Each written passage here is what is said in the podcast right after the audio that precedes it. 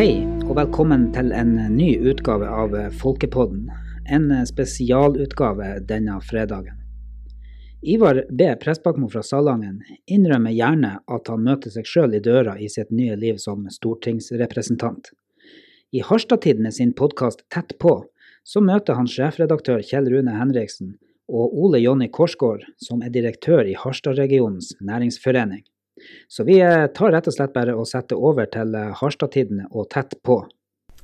Ja, Ole Jonny, da var vi tilbake med en eh, ny episode av Tett på. Lenge siden sist? Det begynner å bli litt for lenge siden. Men når jeg vet hvor du har jobba med å få tak i de her kandidatene våre, så ja. Så jeg er fornøyd med at vi endelig er oppe på lufta igjen. Ja, og så har vi vel hatt en uh, høytid. Vi har uh, eller står i en eh, pandemi. Og Stortinget har jo også hatt litt eh, juleferie, så vi, vi kan jo skylde litt på det også. Vi skylder litt på det, men uh, nå er vi i gang. Nå skal vi komme uh, hyppigere på, på, lufta. Det er målsettinga, og vi har jo fått gode tilbakemeldinger på de første podkastene, så nå må vi holde trykket oppe. Det skal vi. I dag tenkte jeg vi skulle snakke litt om eh, forventninger, og hva vi eh, må kunne forvente av eh, våre politikere på, på Tromsbenken. Jeg tenkte å utfordre deg litt, Ole Jonny. Legg næringslivsdirektørhatten din på hylla for en kort stund, og vær en helt vanlig borger. Hva forventer du av en stortingsrepresentant fra din landsdel? Ja, jeg forventer jo at det, den jobben de har lagt ned under valgkampen med å skape forventninger hos meg som innbygger i nord, at de vil jobbe hver dag for å innfri de, for det var det som var grunnen til at vi valgte inn på tinget.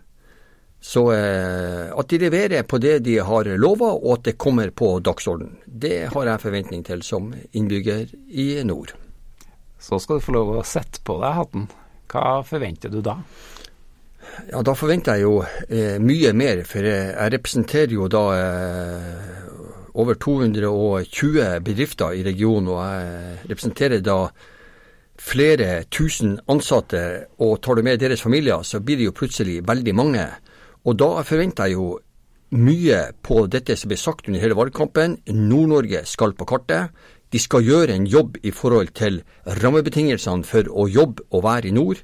De skal ta demografiutfordringene på alvor. Eh, så må jeg jo si en ting. De har jo levert på en av de store tingene som, som næringsforeninga har jobba med. Det er jo å få ei femårig lærerutdannelse til Harstad. Så check. Det er jeg svært fornøyd med som leder i næringsforeninga.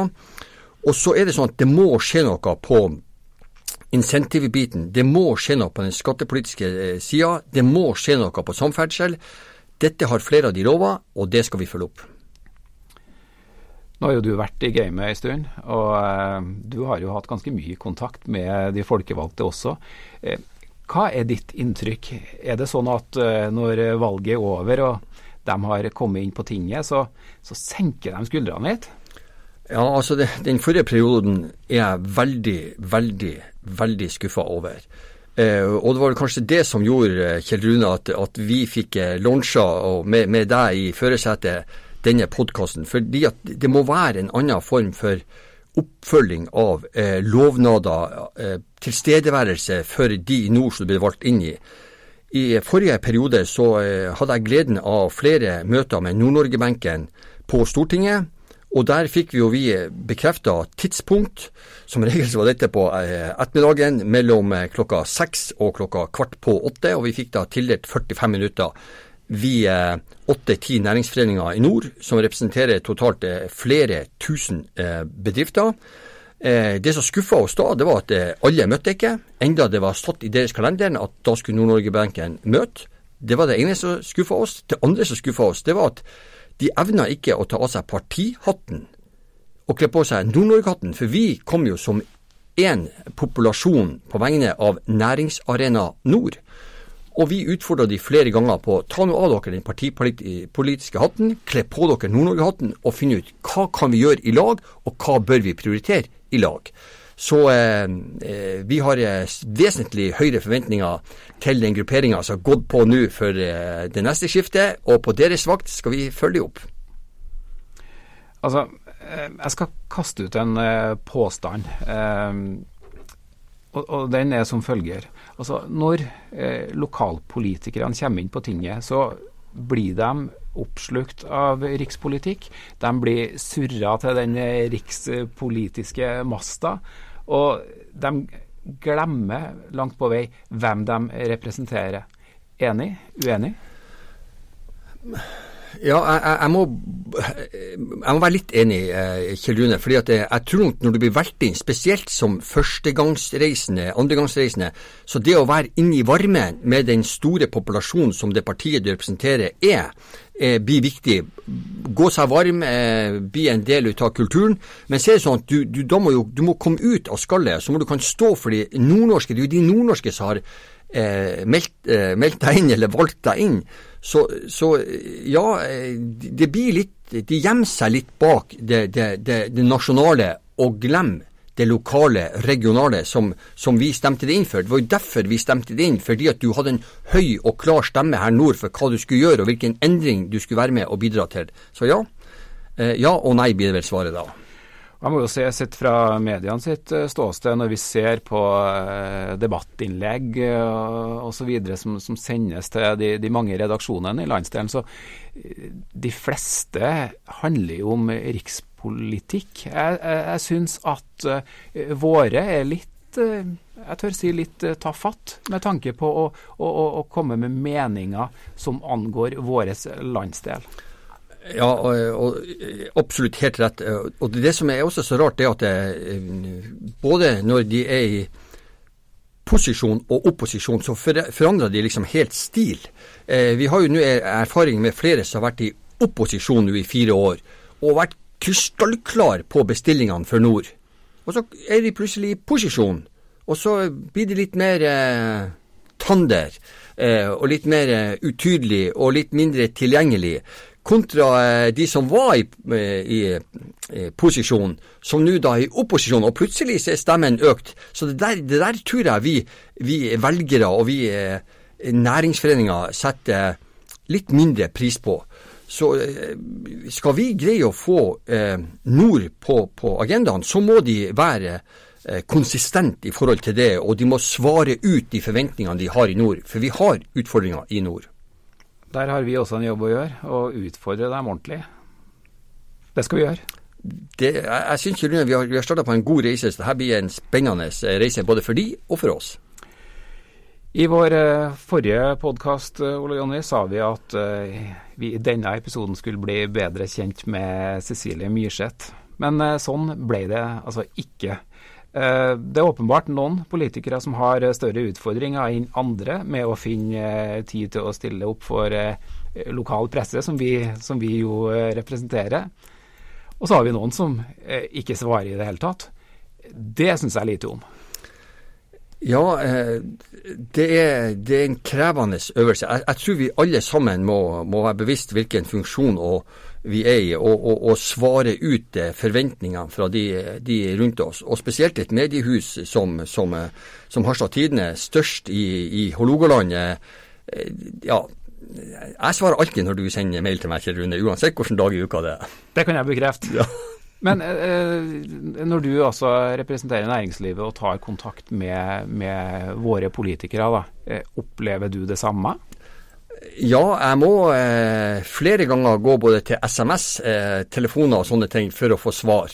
Eh, og det syns jeg til tider er krevende. Det er jo ikke sånn det skal være? Jeg syns ikke det. Vel, vi skal, vi skal trykke på litt uh, der også.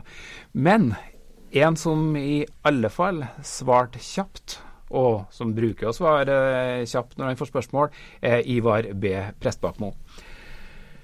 Han eh, er jo vara for eh, Sandra Borch, som, eh, som, ble minister. Og nå får han jo virkelig kjenne på de forventningene som, som stortingspolitikere blir utsatt for. Og på en måte kan vi vel si at nå, nå får han smake sin egen medisin? Ja, altså, han, han, Ivar, det er jo mange år siden første gang jeg hadde med han Ivar å gjøre som, som fylkespolitiker. Og, og, fra første gangen så har han jo vært klar, tydelig, fremoverlent Så det skal bli eh, spennende å se han eh, Ivar i eh, ny drakt inne i varmen på Løvebakken. Så det, det, her, blir, det her, blir, spennende. Da tenker jeg at uh, la oss uh, høre om han er like fremoverlent uh, nå. Det gjør vi. Ivar Prestbakmo, jeg og Ole Jonny har sittet her en liten stund og snakka om forventninger, og hvilke forventninger som er naturlig å stille til dere politikere på Tromsbenken. I dag har du sittet 117 dager på Stortinget i denne perioden. Kjenner du på noe forventningspress?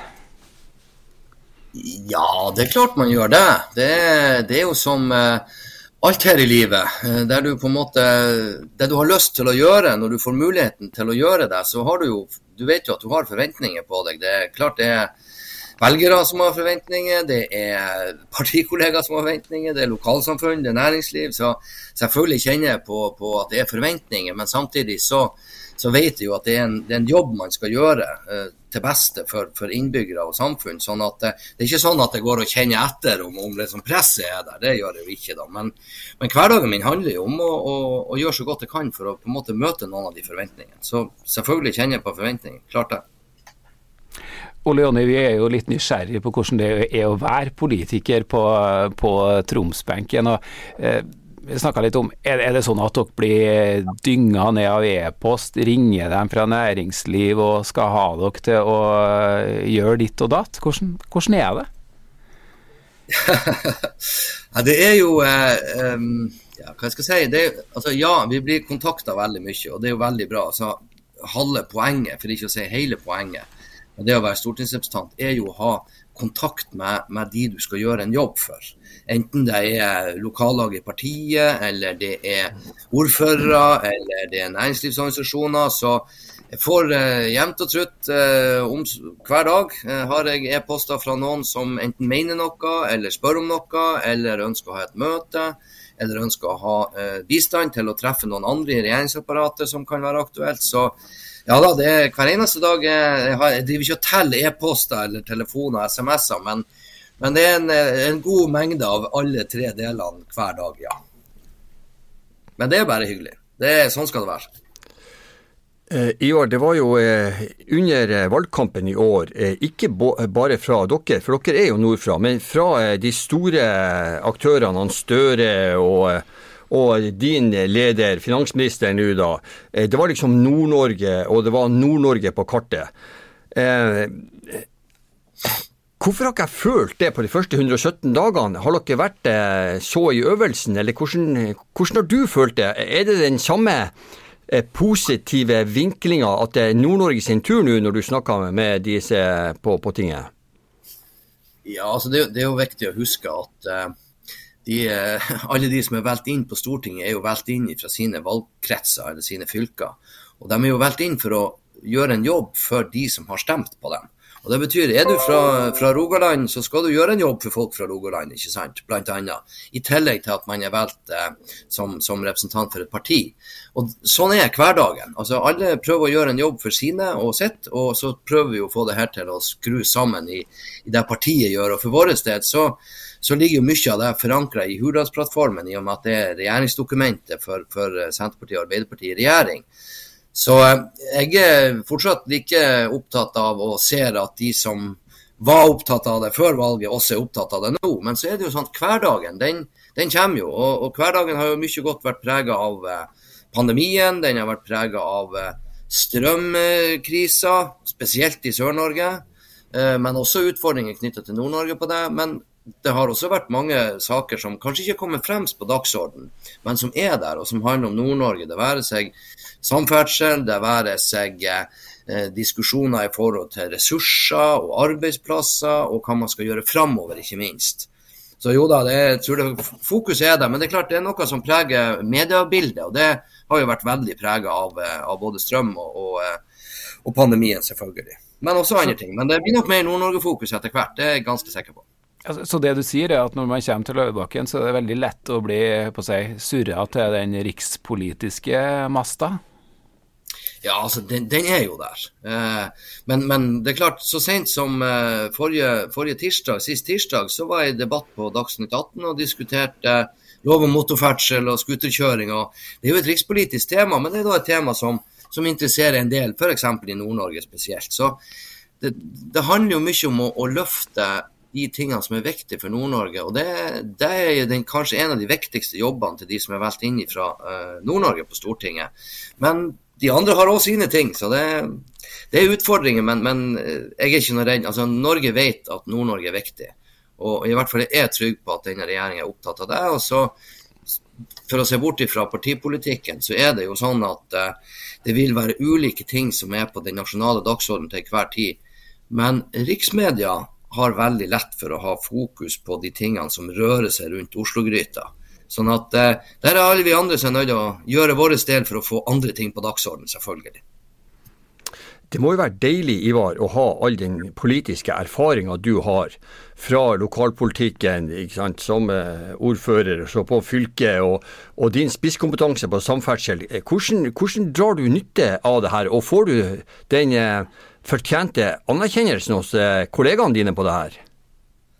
Ja, Det er både deilig å ha den erfaringa, men det er òg litt frustrerende. Fordi at eh, det er jo sånn at man jeg er jo en, Til tross for at jeg har drevet med, med politikk eh, i mange år, så er jeg jo utålmodig. Og, og, utålmodighet og politikk det hører sammen, men samtidig så må du, må du, også være ganske tålmodig. For du får ikke tingene akkurat sånn som du vil, akkurat når du vil ha dem sånn.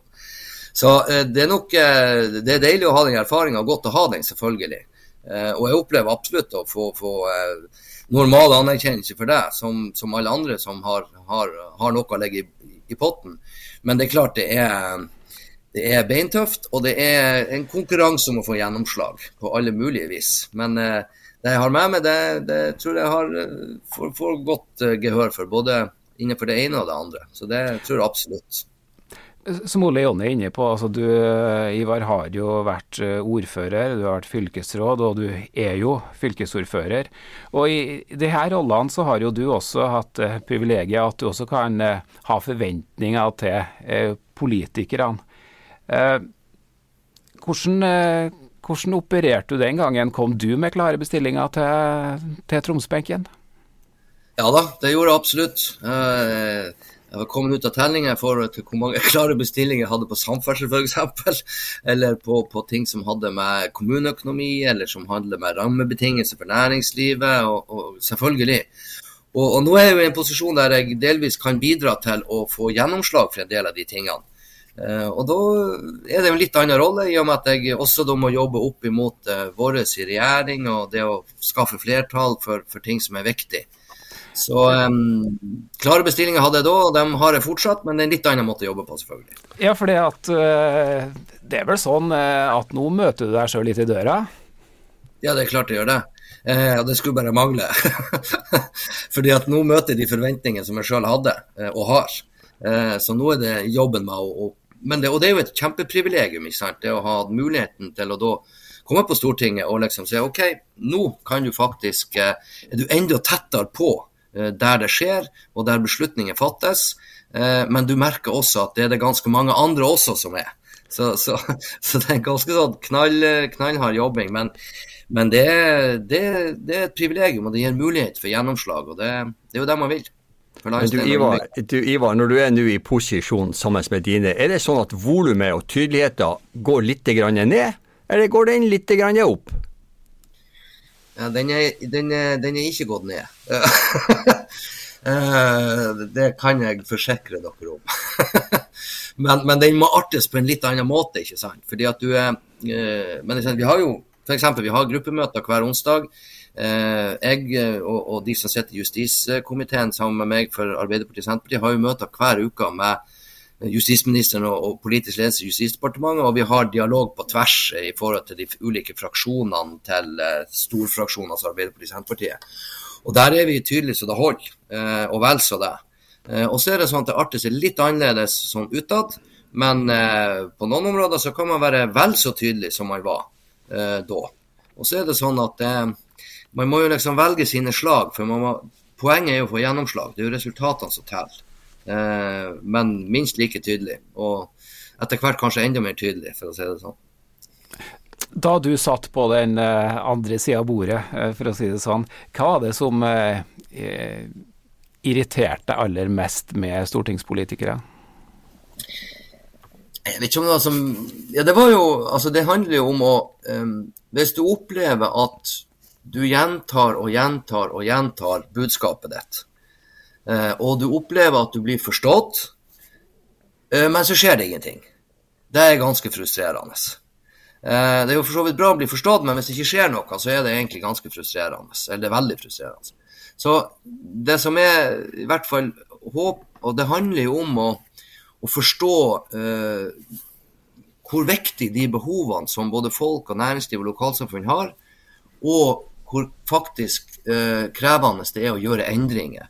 Altså det, det, å styre et land er jo litt som å styre en, en, en supertanker. Det er liksom de små Du ikke, kan ikke gjøre brå svinger bestandig. Du er nødt til å korrigere kursen noen grader, men det gir ganske store konsekvenser over en viss avstand. Og Det er liksom å ha det oversiktlige bildet som gjør at du vet at når du gjør den endringa, så er konsekvensen sånn litt fram i tid, og det, og det blir en god endring. ikke sant?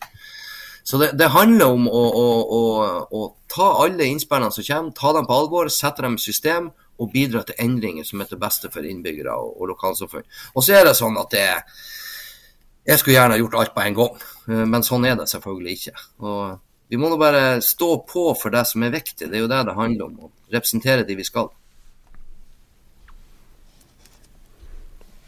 Hva er den største kamelen eh, Senterpartiet eh, har slukt eh, etter 117 dager? Nei, jeg tror ikke vi har Ja, det der er jo sånn Nei, største kamelen altså Det er jo sånn at når Arbeiderpartiet og Senterpartiet forhandla om Hurdalsplattformen, så syns jeg at vi i stort fikk veldig godt uh, gjennomslag, og til en god, god regjeringsplattform sett med mine øyne i hvert fall, og, og mange andres. Og så er det jo sånn at i den så ligger det jo noen ting som var viktig for Senterpartiet, og noen ting som var viktig for Arbeiderpartiet. Og f.eks. Eh, jeg skulle gjerne sett at man kunne ha landa på, på eh, andre valg når det gjelder eh, eksempelvis eh, sykehusstruktur noen deler av landet. Eh, når det gjelder eh, en del viktige ting for f.eks. Andøya-samfunnet, som jo for så vidt blir bra for noen andre, men der man i sum er nødt til å gjøre noen grep. Men, men, jeg kan ikke si at vi slukte så veldig mange kameler i Hurdalsplattformen. Og etter 117 dager så, så, er det ikke sånn at det er så mange kameler du har slukt. Det er det ikke. Men det er mer det at forventningen og det du klarer å levere på 117 dager, eh, de går liksom ikke overens. Det tar lengre tid enn 117 dager å oppfylle det du har lovt, for å si det sånn. Ja, og tid skal dere få. Jeg og Ole Jonny skal være tett på. Ja, du Ivar, du, du tok jo bl.a. utdannelse her i, i Harstad. Og eh, eh, Hvilke tanker eh, gjør du deg om denne eh, informasjonen som kom ut fra regjeringa i går, der eh, nå matematikkravene til lærerutdannelsene blir senka, og vi skal få inn flere lærere. Eh, løfter vi statusen da på læreryrket? Eller senker vi den? For det enkleste som finnes, uansett hva du skal gjøre i livet, det er jo bare å senke forventningene, så, så går jo alt igjennom. Hva du tenker du om det? Jeg tror det er så enkelt som at eh, Eller ikke så enkelt, men, men for meg så er det sånn at det om du blir en god eller mm, ikke god lærer, er ikke avhengig av om du har karakteren fire når du begynner lærerutdanninga. Det som er viktig, det er at vi får rekruttert de som er opptatt av å gjøre en god jobb som lærer, og som har motivasjon i orden. Og Da er på en måte ikke karakteren fire det som avgjør. Så det som er nå, det er, og det her har jo vært et omdiskutert tema gjennom de siste årene, så det som er viktig nå, det er at vi får rekruttert lærere.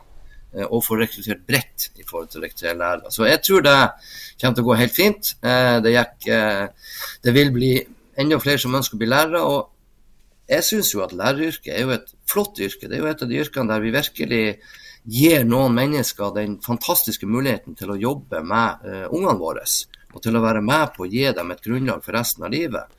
Så eh, jeg oppfatter ikke at statusen til lærerne blir noe dårligere. Tvert imot. Jeg eh, vil tro at eh, jo flere som har muligheten til å søke som lærer, jo bedre vil også statusen være. Men det handler også om andre ting, selvfølgelig.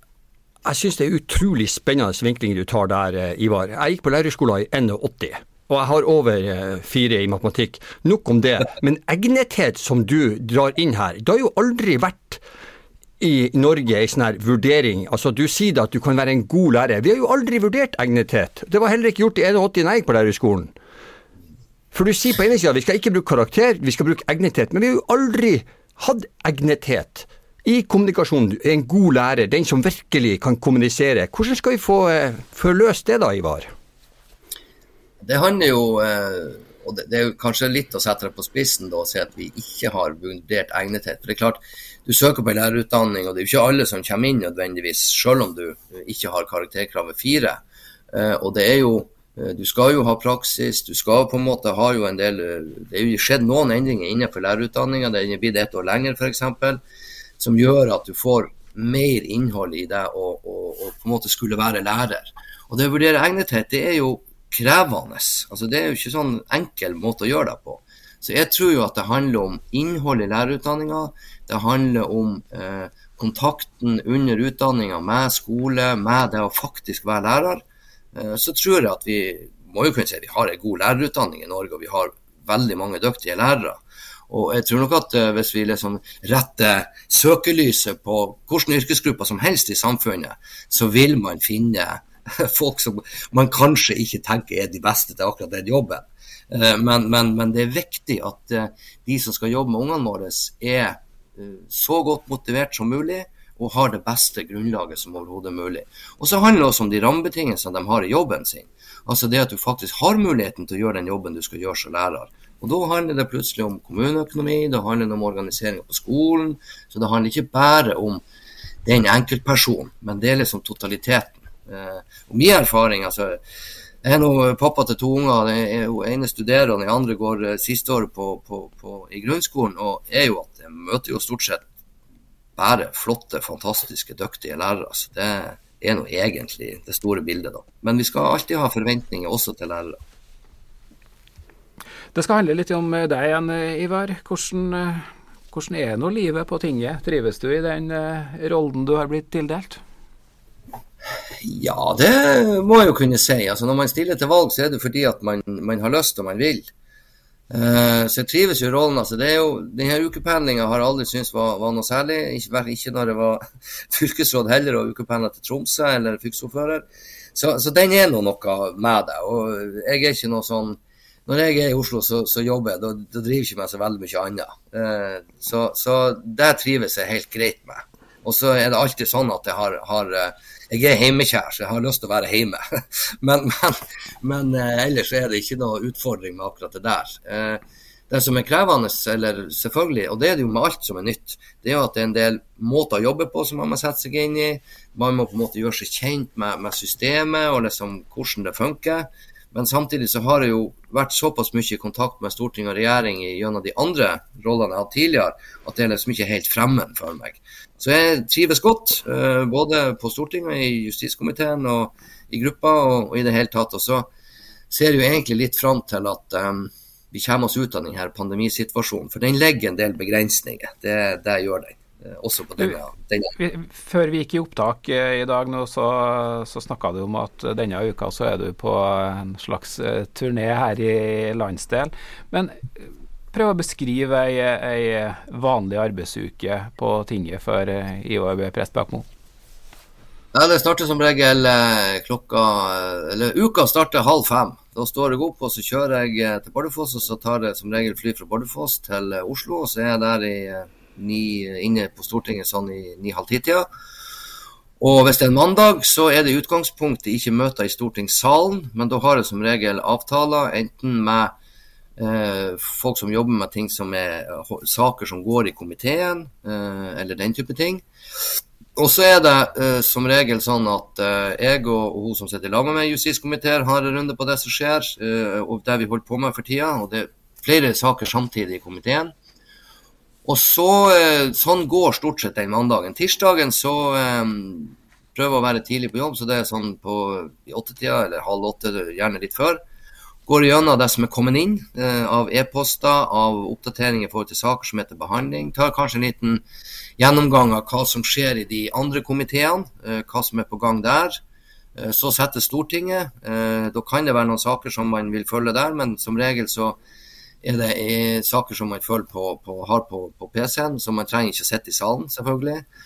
Og Da er det gjerne møter Tirsdagen er jo komitémøte hver tirsdag i justiskomiteen. Så Da har jeg og Per-Willy møte, for å si det sånn, og de andre. Og um, da I tillegg så er det gjerne formøter i storfraksjoner, som er Arbeiderpartiet og Senterpartiet på Stortinget. Og ellers til å følge opp kontakten, så har jeg gjerne møter med uh, noen fra Troms, enten det er partifolk, ordførere eller andre. Uh, så da er nå stort sett tirsdagen gått, og så er det en del skriving til saker og en del sånne ting. Onsdagen er jo en sånn intensiv dag der vi har møter med regjeringsapparatet uh, og i storfraksjonen.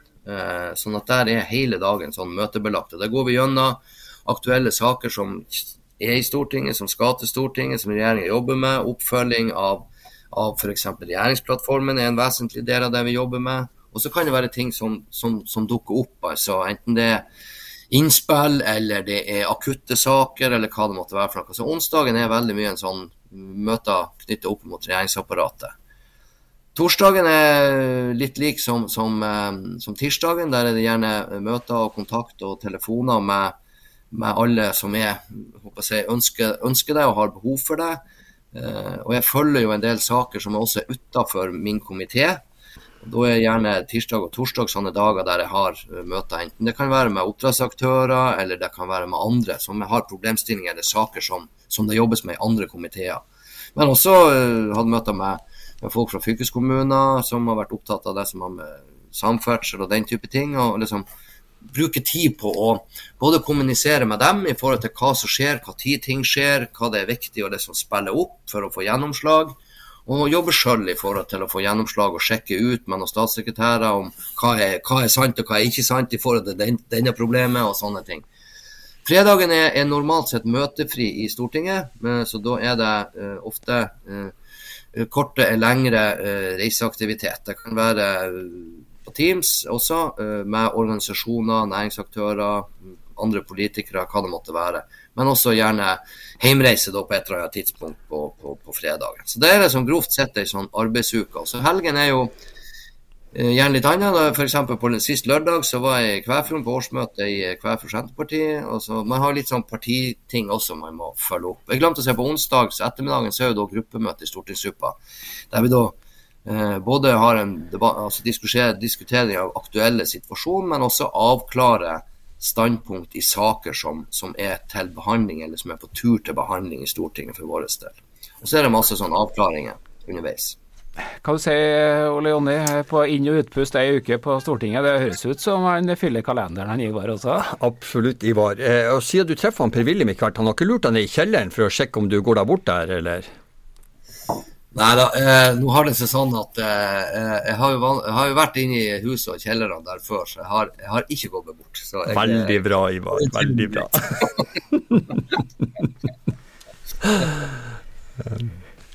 da tenker jeg at uh, vi etter hvert skal slippe tak i Ivar, og så skal vi la han uh, dra rundt på turné i, uh, i denne landsdelen. Og så har vi vel en oppfordring. Ta med deg snøskuffa. Absolutt. Og så er jeg jo like glad for at han Ivar er like tydelig. Han sitter fremoverlent. Vi ser han her. Han eh, melder til oss. Det setter vi pris på. Så Ivar, det her syns jeg var eh, kjempehyggelig. Ja da, veldig hyggelig. Absolutt. Og vi, vi kan love deg én eh, ting. Eller vi kan love deg flere ting. Vi kommer til å ha mye kontakt i den perioden vi har foran oss. Veldig bra. Eh, dere i media er jo også de som eh, er på med hvert og en del av arbeidshverdagen. Så det er jo viktig, både for innbyggerne og for oss alle, for å gjøre en best mulig jobb. Da høres det ut som vi gjør jobben vår, vi også. Tusen takk skal du ha for eh, praten. Tusen takk skal dere ha. Ha en fortsatt fin dag. Ja, Ole Jonny, syns du han var like fremoverlent? Ja, eh, jeg, jeg, liker, jeg, liker, måten han eh, Ivar fremstår i denne Vi hadde han jo på Teams, så vi så han jo fysisk. Han ligger fremoverlent, han er klar i blikket. Han er fremdeles eh, kvass og tydelig. Jeg liker det. Så, så eh, vi heier jo på alle fra nord som setter nord på kartet. Så jeg syns eh, Ivar eh, leverte en flott eh, seanse med oss. Tror du han kjenner på det der med å møte seg sjøl i døra, som vi konfronterte med? Ja, eh, absolutt. Han, eh, Ivar er en kriger, så han eh, kjenner jo ikke på det der. Og ikke mindre nå etter vi prata med han. Nå er det, som vi var inne på innledningsvis, en god stund siden forrige podkast. Eh, og nåværende stortingsperiode har blitt 117 dager gammel. Eh, vi kan jo si at fredningstida på 100 dager er over. Og eh, hva skal vi nå forvente? Ja, altså Vi må forvente at spesielt de som har vært der eh, en periode tidligere, begynner å levere på det de sa under valgkampen. Eh, det som er så fint i denne saken, her, det er at de intervjuene har vi jo. Så vi har jo plukka opp de poengene som vi ønsker å, å, følge opp, og som er kjempeviktige for oss her oppe i nord. Så eh, jeg forventer at de, de, eh, er tilgjengelige, jeg forventer at de, de setter oss på kartet, og, og eh, jeg forventer også at de både aksepterer og respekterer at vi heier på de, samtidig som vi har forventninger til dem. Hvis vi skal prøve oss på en oppsummering av uh, eh, 117 dager nå, hvordan syns du våre har prestert? Svært variabelt. Svært variabelt. Og det, det er sikkert noen forklaringer på det. Eh, noen har vært det ofte i TV-ruta innenfor de de eh, departementene som, som, de representerer, eh, og komiteer. Eh, andre har vært eh, ikke i det hele tatt. Så, eh, men flere av de har vært eh, i beste sendetid på Nordnytt. Både han Ivar og, Cecilie har vært i debatt. Han Erlend har vært flere ganger. han Per-Willy var her oppe og satte et strømstempel her i regionen. men jeg føler jo etter 117 dager at det, det skulle vært noe mer. For, for ja, men eh, vi, vi, vi, må bare keep on. Jeg syns jo, eh, som jeg også har sagt eh, tidligere, at det Nord-Norge-engasjementet blir litt sånn Taper litt i forhold til det rikspolitiske engasjementet til dem. Som du var inne på, Per Willy har jo i alle fall vært her oppe og og bruse litt med fjærene og, og rista litt i Nordkraft med nettleie og alt det der. Men, men, eh, ellers så ser vi at eh, det er rikspolitiske saker. Eh, deres opptredener på Stortinget har jo nesten utelukkende dreid seg om, om saker som ikke hører denne landsdelen til direkte, i alle fall. Det er jo litt spesielt, syns jeg, at en folkevalgt fra nord engasjerer seg veldig i skogsdrift sørpå etter en storm. Ja, helt enig. Men du, vi har ikke vært igjennom alle seks ennå, så vi må eh, la det litt ligge, Kjell Rune. Så skal vi nok følge opp det. Vi skal komme eh, enda sterkere eh, tilbake. Hva skal vi eh, høre om i neste episode? Ja, nu, eh, Det var jo litt støy i fjor høst. Og det har jo vært veldig mye med de her reiseregningene og godtgjørelsene. og Jeg syns det har vært litt interessant å at vi, hvis vi, vi har dypdykka litt eh, og fortalt velgerne eh, og tilhørerne hvordan godtgjør vi nå disse menneskene som vi har så høye forventninger til? Hvordan er egentlig denne pakken med hjemreiser og lønninger? De har jo fått lønnsfrys, eh, så det er jo litt spennende. Så hvis vi kunne ha sett litt på det, så tror jeg at mange kunne vært litt nysgjerrig på hvordan egentlig det er å være stortingspolitiker. Det er helt åpenbart at veldig mange er opptatt av det, i alle fall. Eh, vi skal også ha en gjest eh, neste gang. og vi prøver oss på Cecilie Myrseth igjen, og ja. håper at det går i boks denne gangen. Jeg håper virkelig det går i boks. Det, det blir kjempehyggelig å, å, høre stemmen til Cecilie og hennes tanker etter da 125-130 dager på, på, tinget. Og Hun har jo vært det en periode før, så det her blir jo ei rutinert dame som vi får på tråden. Vi ser frem til det. Så da er det i grunnen bare å si på gjenhør. På gjenhør.